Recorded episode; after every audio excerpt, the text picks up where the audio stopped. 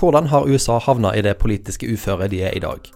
Dagen etter at Joe Biden ble innsatt som president, hadde vi eh, Global morgen på nett med Katrine Thorleifsson, forsker ved Senter for ekstremismeforskning ved Universitetet i Oslo, og Hilde Restad, førsteamanuensis ved Institutt for statsvitenskap og internasjonale relasjoner ved Bjørknes høgskole. Katrine, det er hyggelig å se deg. I like måte, Hilde. Det har vært litt travelt i siste. Det har det. Det har vært travelt de siste fire årene for min del, men uh, de siste tre ukene for din del har det jo vært ganske aktiv. Um, Katrine, vi har fått masse spørsmål som vi skal svare på. Uh, og så får vi se om vi klarer å, å komme gjennom alt. Um, men det er jo da litt hyggelig å være på denne podkasten sammen med deg, for jeg, det er så deilig å ha med noen som er ekspert på ytre høyre, som jo du er som kan fill in the blanks uh, for oss andre som forsker på amerikansk politikk generelt sett. Det er jo litt kjedelig når radikalisering og ekstremismeforskning overlapper med amerikansk politikkforskning. Men sånn har det jo vært de siste fire årene. Um, så kanskje det første spørsmålet vi må svare på, er egentlig hvorfor Kongressen ble angrepet den 6. januar, og hvem det var som deltok. Ja, det var jo radikaliserte Trump tilhengere som ville forhindre den fredelige overføringen av makt. Altså de ville forhindre at den valgte da innkommende presidenten Joe Biden skulle bli den nye presidenten. Og I lang tid hadde jo da eh, Trump spredt løgner om at eh, valget var falskt, det var rigget.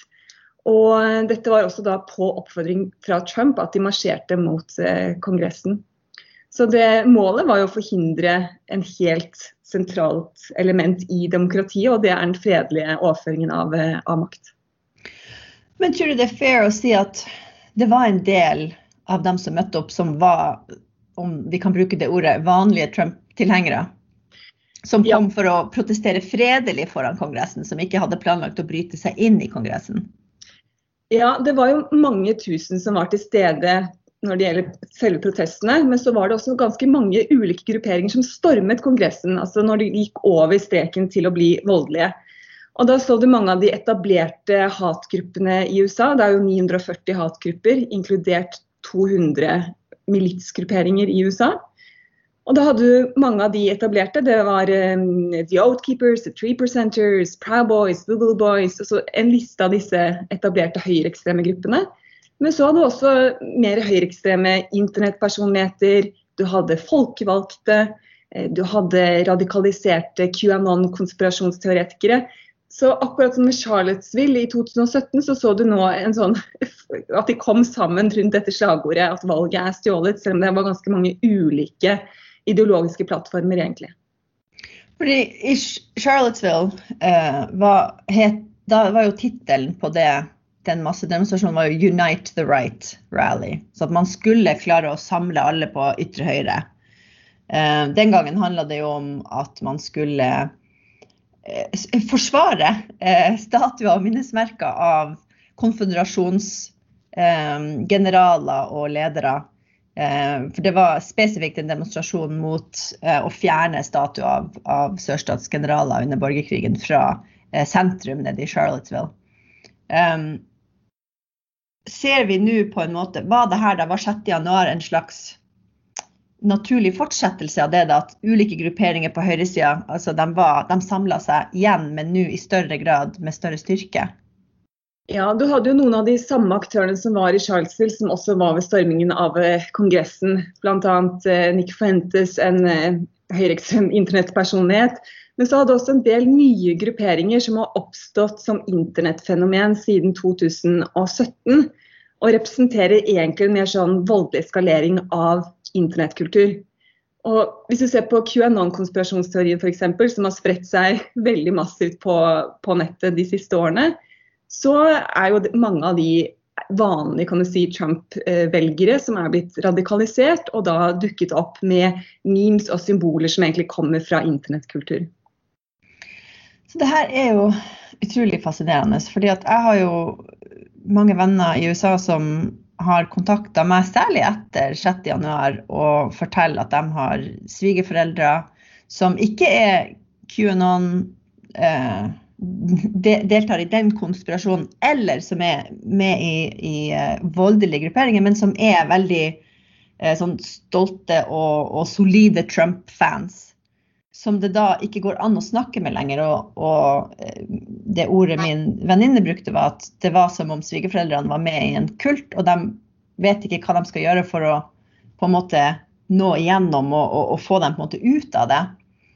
Um, så da ja, det er jo det som er fascinerende med konspirasjonsteorier. At de har så sterk tiltrekningskraft også på veldig høyt utdannede mennesker.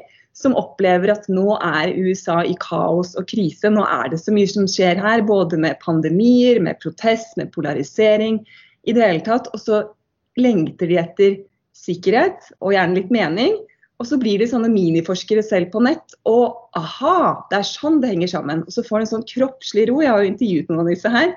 Og så går de ned i det deilige kaninhullet i denne matrixen hvor alt henger veldig sammen.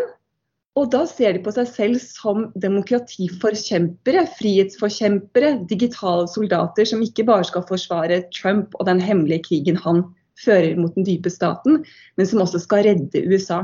Så for dem blir det en nobel cause. Så noen av disse her er jo høyreekstreme, hvit overmakt, holocaust-fornektende, veldig ekstreme. Og så er det andre som bare i sitt eget univers er forsvaret av det amerikanske demokratiet og frihet. Så det, det, er jo det som gjør at det er veldig vanskelig å se veien videre. fordi at det var det som var litt poenget mitt med spørsmålet i sted om var det alle som hadde planlagt å være voldelig. Jeg tror ikke at det var det. Jeg tror det, var, det er en sånn viktig del av Trump-tilhengere som ikke er med i uh, QAnon, som ikke er voldelig, um, som bare har en veldig sterk tro på at det Donald Trump sier, er riktig. Og han har fortalt dem.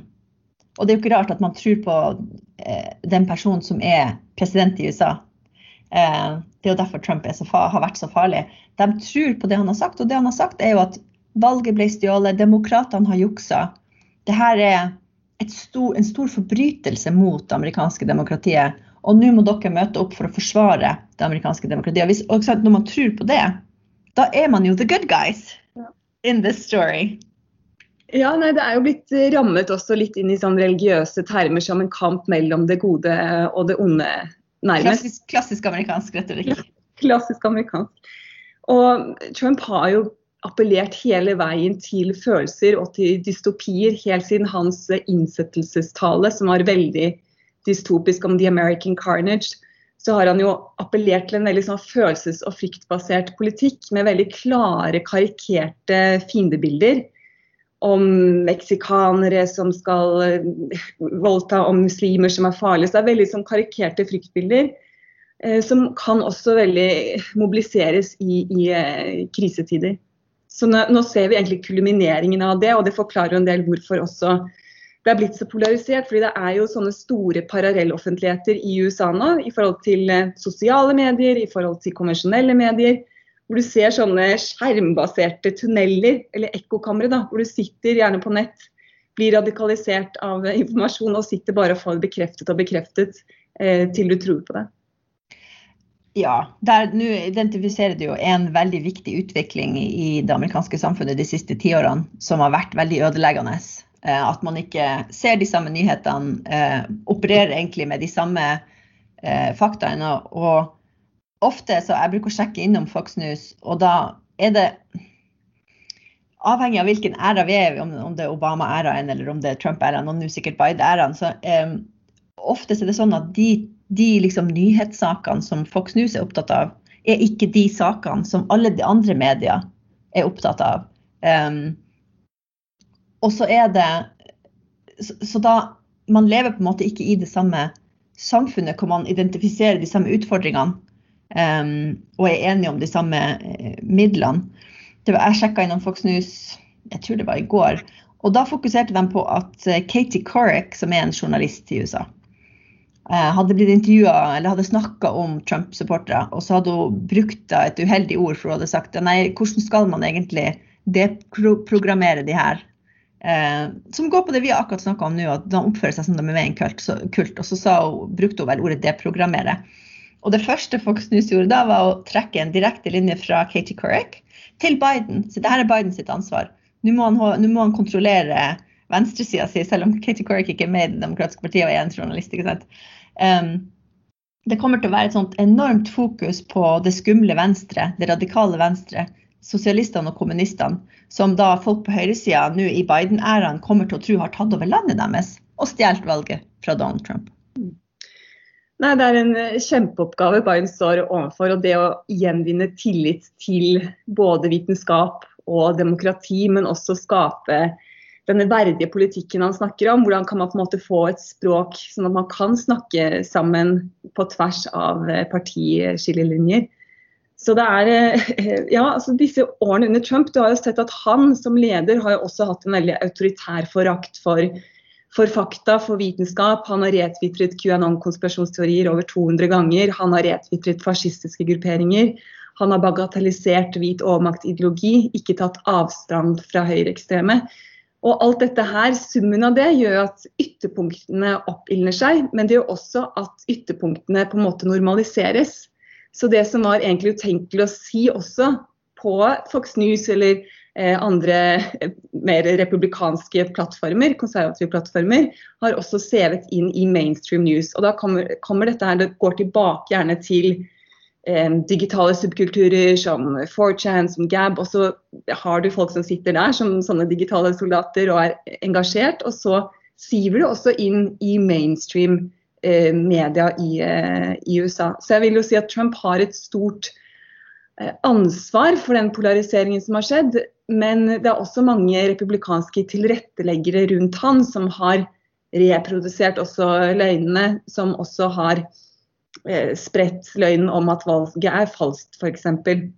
Så det er jo ikke kun han, det er også mange tilretteleggere rundt han. Og Derfor eh, lurer jeg på om det ikke lenger er så veldig nyttig å snakke om polarisering i USA. Fordi at I utgangspunktet så var ikke det begrepet så veldig dekkende. fordi Det man egentlig så, var jo en asymmetrisk polarisering. Fordi det republikanske partiet siden 70-tallet, hvis man ser på hvordan eh, medlemmene stemmer i Kongressen, gikk mye lenger til høyre enn det du så demokrater gå til venstre.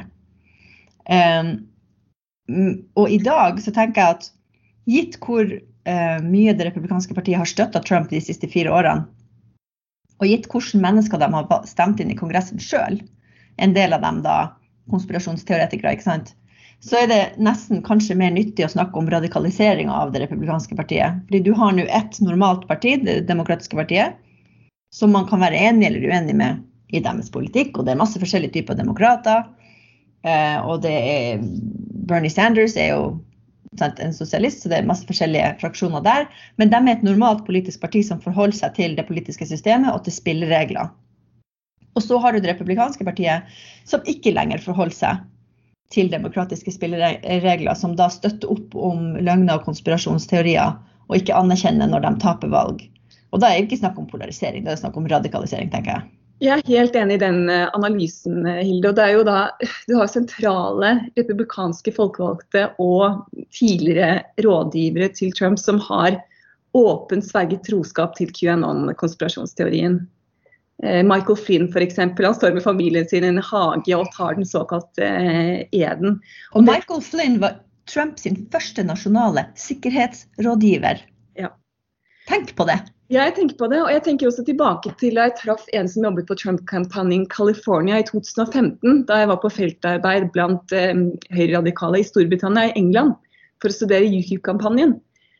Og da snakket jeg med henne, og hun var jo veldig begeistret for at de skulle velge Trump. Dette var jo før han var valgt. Men hun sa at vi skal fokusere på radikal islam, og vi skal mobilisere cyber-trumpers. De, og vi vet sant, hvor opptatt de var av å mobilisere skremmebilder for å få han valgt, og sant, band som rådgiver eh, som også taleskriver. Det var et veldig dystopisk og, og um, skremmepolitikk som ble mobilisert fra dag én under, under, Trump. Så partiet er absolutt blitt deler av det eh, radikalisert. Så det vi kan snakke om nå, er hvordan kan det republikanske partiet avradikaliseres. Og du ser en liten endring nå. Det er jo en del noen i hvert fall republikanere som har stemt for impeachment. Det er noen som har dratt en linje at nå har det gått over i, i vold. Det er litt antidemokratisk. Så nå er det ikke lenger innenfor de demokratiske spillereglene. Og da må vi trekke en linje. Ja, så det er uh, den egentlige uh, Det blir en stor test nå for det republikanske partiet når riksrettssaken skal gjennomføres i Senatet. Fordi nå har det republikanske partiet en sjanse til å dømme Trump for å ha oppildna til opprør mot staten. Og å og faktisk også som, som, som straff eh, hindre han fra å kunne stille til valg i framtida eller inneha føderale verv. Men jeg er jo veldig redd for at de ikke kommer til å bestå den testen. For det er veldig lite de siste fire-fem årene som tilsier at de kommer til å gjøre det. Og arvesynden her er jo at det republikanske partiet lot Donald Trump bli deres kandidat. Eh, og da er vi litt Altså, vi snakka litt før vi starta podkasten om at som forskere så er, er, det veldig viktig å være objektiv. Eh, og det å være objektiv betyr jo at man kan beskrive det man ser, korrekt. Eh, men så er det det da å være nøytral, som er noe annet. Eh, og jeg, av, jeg, har jo vært veldig høyrøsta helt siden Trump eh, kom på banen i 2015 med å si at Trump er utafor det som er OK. Trump bryter med demokratiske spilleregler og blir antidemokratisk. Og da er det greit for dem som forsker på amerikansk politikk, å si at det er faktisk ikke OK. Jeg trenger ikke være nøytral overfor en udemokratisk, illiberal person som Donald Trump. Og så har jeg også sagt hele veien ref. Michael Flynn, at Trump er en stor nasjonal sikkerhetstrussel mot USA. Av flere grunner, men en viktig grunn er at han har forsterka og akselerert og oppfordra og haussa opp det som er USA sitt kryptonitt, nemlig høyreekstremisme. Som er et problem USA har hatt helt fra starten av. Ja, da går vi tilbake til kjernen i USA også. Det er hvor aktualisert rasepolitikk, som det heter da, på racial divides, er eh, i USA. Det er jo et land som er bygget på institusjonalisert rasisme, på slaveøkonomi. Eh, mange svarte amerikanere har erfart diskriminering selv, eller de har det i levende minne, de har det i sin familiehistorikk. Og I sommer kulminerte det jo i protestene mot politivold og mot systemisk rasisme i USA med metaforen 'jeg kan ikke puste'. Og den satt veldig sterkt i veldig mange eh, ikke-hvite amerikanske kropper, og også de som viste solidaritet med den bevegelsen. Så det vi ser også kulmineringen i nå, når du har hvite overmaktnasjonalister som stormer Kongressen med T-skjorter med holocaust-fornektelse, er jo en veldig åpen åpen display, altså åpent uh, dette såret som viser uh, hvor sterkt også det fremdeles disse strømningene er uh, i USA. Og hvor mange som på en måte, om de ikke omfavner det, de har ikke noe problem med det. Fordi de føler sin egen identitet er truet av den raske demografiske endringen i USA f.eks. Og dette har jo Trump nøret opp under, dette her med, med hvite amerikanere som er redde for at de skal bli minoritet, for at de skal miste sine historiske privilegier. Og Hvis du ser på driverne, altså hvis, hvis du går litt vekk fra Trump selv og politikerne og ser på de som stemmer på han, altså velgerne, da vet du at det er mange som er sinte og fortvilet og har på en måte berettiget grunn til det fordi de har det dårligere, de har det dårligere økonomisk, eller de eh, ser ikke med optimisme på framtiden. Deres barn har det ikke noe bedre. De opplever nedadgående sosial mobilitet i noen delstater.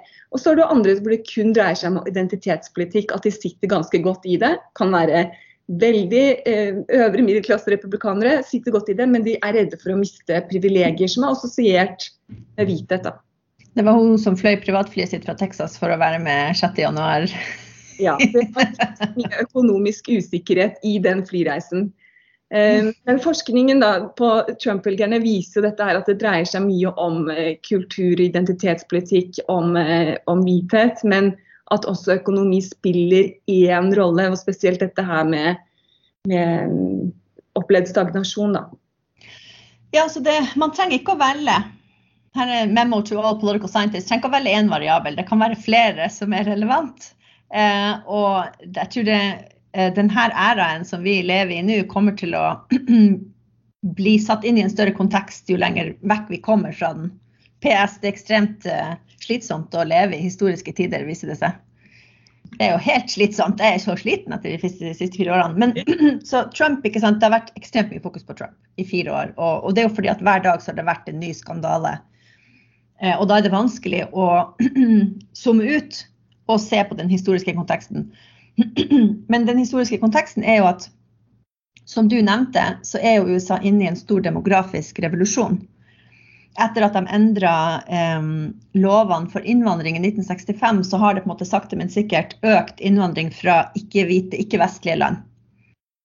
Som jo er i ferd med å revolusjonere eh, egentlig ansiktet til USA, da. Det amerikanske ansiktet er, i endring, ikke sant. Um, og samtidig, da, så fikk man den første svarte presidenten som ble valgt som da åpenbart førte til mye angst hos en viss gruppe hvite amerikanere som er vant til å være de som har makta i samfunnet. Um, som da fikk uttrykk uh, i, på ulike måter, som kanskje blir satt i større sammenheng etter hvert. Uh, først tipartibevegelsen, og så Donald Trump. Han bygde jo mye på, uh, på den, den fraksjonen i det republikanske partiet. Og da, altså Donald Trump var jo den personen som kanskje var mest ivrig i å um, promotere denne Berther-konspirasjonen om at den første svarte presidenten i USA ikke egentlig var ekte amerikaner. At han ikke egentlig var født i USA.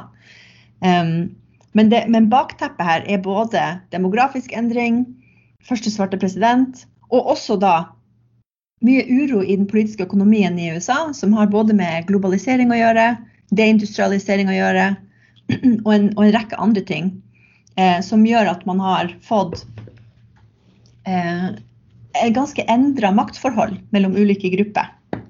Um, så det, det man, jeg tror ikke man trenger å velge mellom um, økonomisk ulikhet og identitet og, og, alt det her. Nei, og USA passer jo også inn i et større globalt mønster, hvor vi har sett framveksten av um, autoritær høyreradikal politikk fra land som India, Brasil, Tyrkia, Ungarn, Polen hvor du ser at eh, driverne er jo da kriser assosiert med globaliseringen, som oppleves destabiliserende på identitet.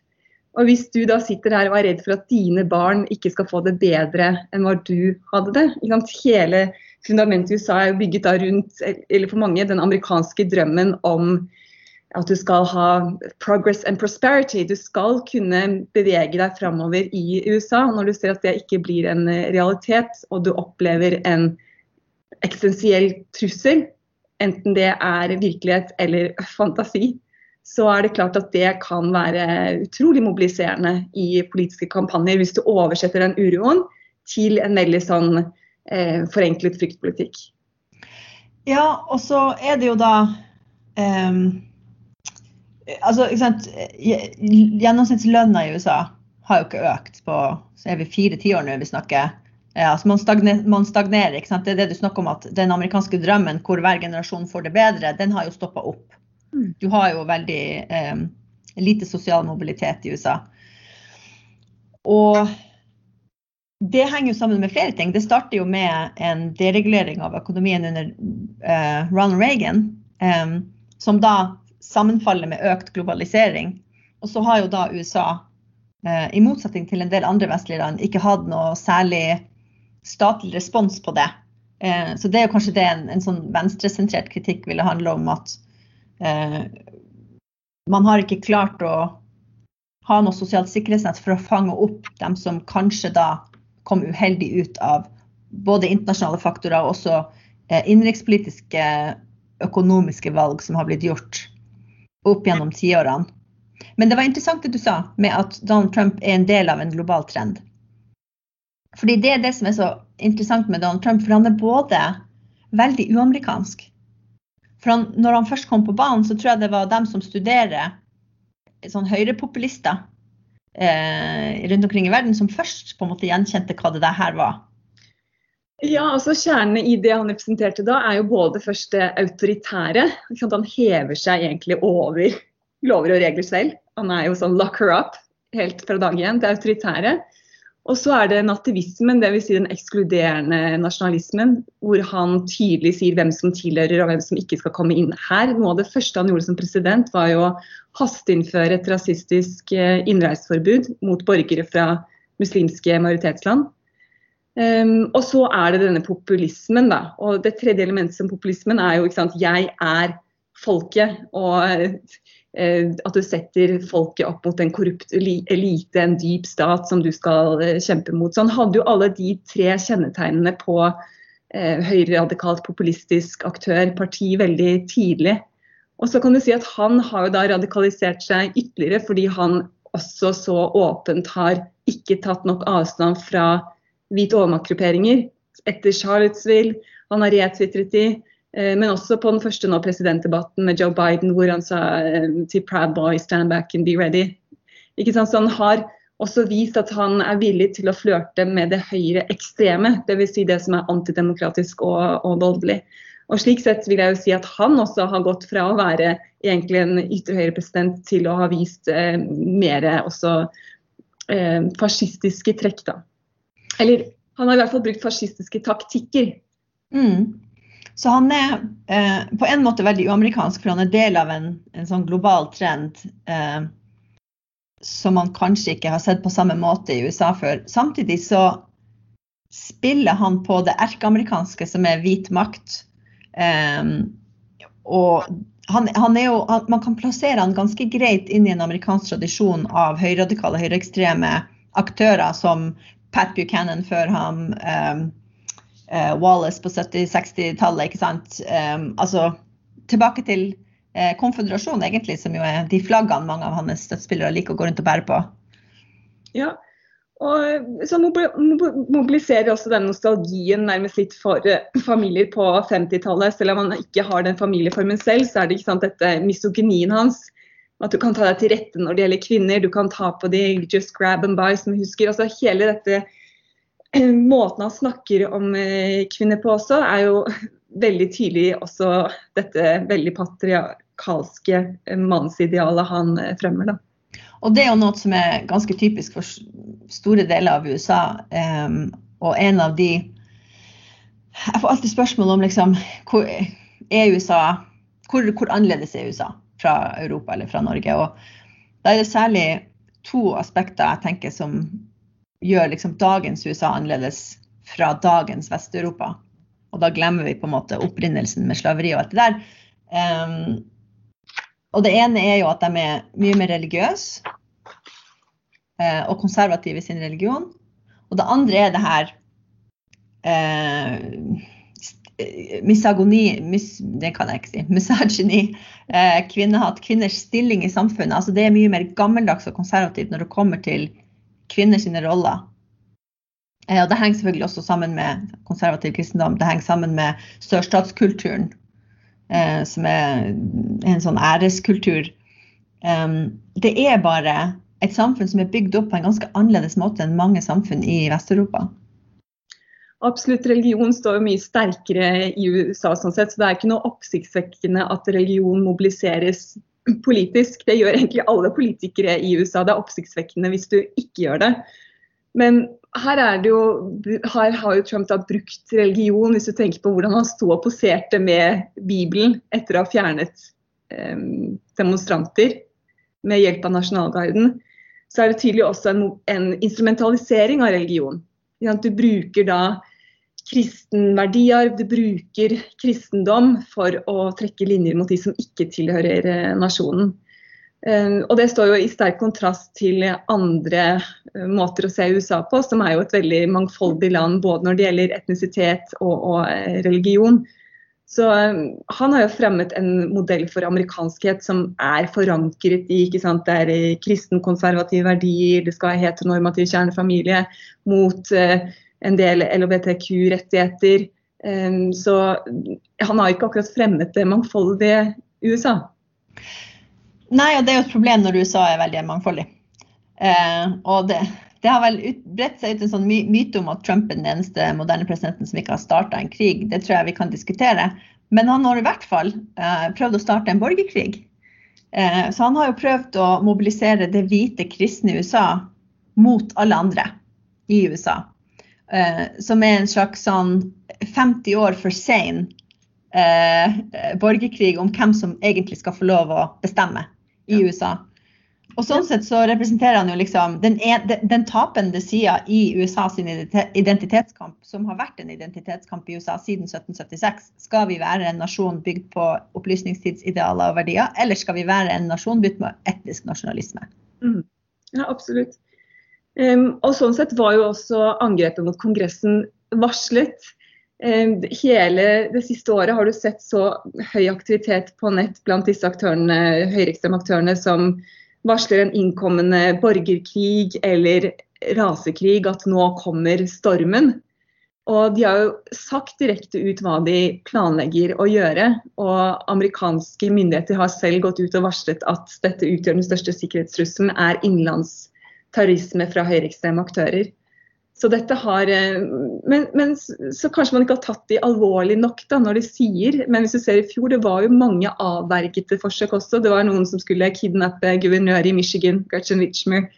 Eh, flere som ble tiltatt for terrorplotting. Så det er, har jo vært økt aktivitet i disse miljøene, som ser på seg selv som Trumps fotsoldater.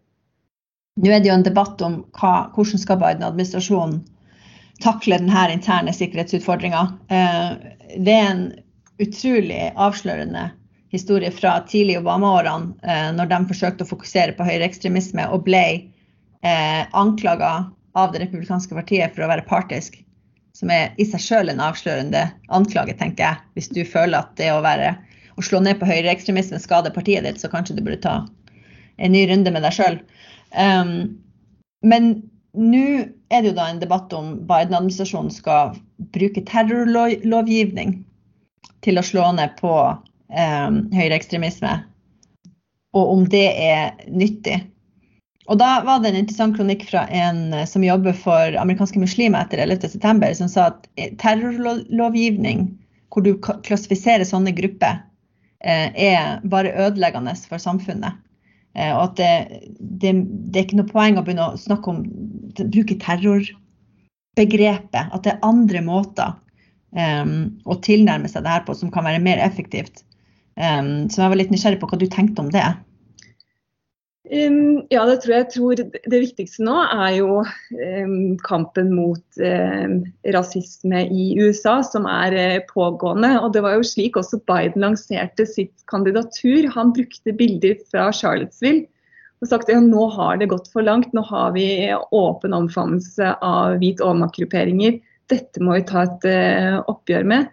Så det tror jeg er, er, det viktigste. Og så er det også å gjenvinne tilliten til mange millioner republikanere som er i villrede nå, eller som er veldig dedikerte nå. Hvordan kan man gjenvinne tillit til demokratiet og til vitenskap og til, til uh, politikken, når det er så mange som har så grunnleggende mistillit til eh, den valgte presidenten og, og, til eh, politiske motstandere. Men nå snakket jo Biden i går om dette med å sikre enhet, sikre verdighet. Han skal være en president for eh, alle amerikanere. Så har, han har i hvert fall retorisk fremmet disse idealene. Men det blir jo veldig utfordrende å samle landet fremover. Ja, jeg tror jo at det er eh, mer opp til det republikanske partiet enn det er til Biden å på en måte deradikalisere ytterpunktene og eh, komme tilbake inn i the reality-based community, som jo var et uttrykk fra Bush-æraen, hvis dere husker det. Um, og da eh, altså Biden har ingen sjanse til å, å samle landet hvis republikanske kongressmedlem fortsetter å gå på Fox News og si ting som ikke er riktig, og hausse opp frykt. Um, da, da, er vi, altså, da, er det, det er ikke noen vei ut av det der, da. Du har republikanere som må vise demokratisk ryggrad nå. Det er, good, good, luck, Katrine. Ja, nei, det er det. det, er, det, er det. Um, og så er det å ikke minst motarbeide spredningen av konspirasjonsteorier. Fordi vi vet at teknologiselskapene, Twitter-kongen, har nå forlatt skuten. Men vi vet at teknologiselskapene har fått sine plattformer aktivt brukt og også misbrukt i spredning av propaganda og konspirasjonsteorier. Og så har de kommet på banen, men ganske sent, ved å kriminalisere ulikt innhold, men spesielt kriminalisere glorifisering av eh, vold. Så der er det mye mer eh, å gjøre. Sånn, hvordan forhindre at disse plattformene blir misbrukt. Og Samtidig ser vi nå at det er jo brukere som beveger seg fra Twitter til Gamb og fra Facebook til eh, Telegram. Så det skaper jo også bevegelser på nett hvor man kan ende i sånne parallelle informasjonstunneler igjen. da. Så det er det har ulike sider ved seg, dette her med å Ja. Men at det blir mer digital regulering, det er jeg ganske overbevist om. Og så tenker jeg også at sånn eh, gitt på en måte, Apropos hva er egentlig Bidens sjanser for å faktisk klare å samle landet. Det handler litt om ikke bare hva Fox News gjør, men også media generelt. Og hva har de egentlig lært de siste fem årene? Med en gang Trump sier et pip, kommer alle kameraene til å vende seg mot han igjen. Eh, hvordan kommer de egentlig til å forholde seg eh, til de her aktørene de neste, de neste årene? Eh, men jeg tenker at vi må følge med på hva gjør republikanerne i Senatet med hensyn til riksrettssaken. Og så må vi følge med på om to år når det er mellomvalg, hvilke kandidater som det republikanske partiet på en måte godtar. Har de ryggrad til å fjerne, blokkere, hindre, eh, ikke støtte ekstreme kandidater eller ikke? Mm. Absolutt. Og jeg tror det er mange eh, ordinære republikanere som jo ønsker seg en annen kandidat. Selv om vi ser på meningsmålingene at eh, støtten til Trump er fremdeles stor blant basen hans. Og den basen har jo blitt bredere. Ved valgene så fikk han jo flere stemmer fra latinamerikanske menn, svarte amerikanere f.eks. Men det er nok en del republikanere også som nå, etter storming av Kongressen, eh, ser med lettelse på å kunne få en mer respektabel, normal kandidat som kan representere dem, deres republikanske standpunkt tenkte jeg På et eller annet tidspunkt må jo egeninteressen slå inn. For det er jo en haug med andre republikanere som har lyst til å stille til valg som president i 2024 og ikke har lyst til at Trump skal være der. Ja, men hvorfor får den som mobber så stor eh, makt? Er du redd for å bli sparket? Er du redd for hva det kan gjøre med din politiske karriere hvis du går imot han som representerer trumpismen? Eh, Anne Applebaum skriver jo i sin bok nå om nettopp denne eh, elementet med alle som er tilretteleggere rundt en autoritær figur. At man er det ikke nødvendigvis fordi du er enig i alt, men du er også opptatt av egen karriere. Du er også av, e eh, opptatt av egen inntekt og, og framtid. Så her har jo de folkevalgte republikanerne et stort ansvar i, i tiden framover. Og, og, ikke minst også håpet er jo, som Biden har sagt, at republikanere og demokrater skal kunne spise lunsj sammen i eh, kantinen. Eh, sitte seg, sette seg ned ved samme bord, eh, drikke en kopp kaffe sammen. Og du så dette bildet på trappen i går med visepresident Camilla Harris og, og den avtroppende eh, Mike Pence. Det var i hvert fall en samtale, og du så hverandre inn i øynene. Og det er så viktig å ha disse menneskelige møtene. Det gjelder i, i, alle forsoningsprosesser. Du må møtes ansikt til ansikt. Kom deg ut av ekkokammeret. Sett deg ned, ta en kopp kaffe, og sånn begynner helbredelsesprosesser. Sånn sett bra gjort av Mike Pence, må vi jo si.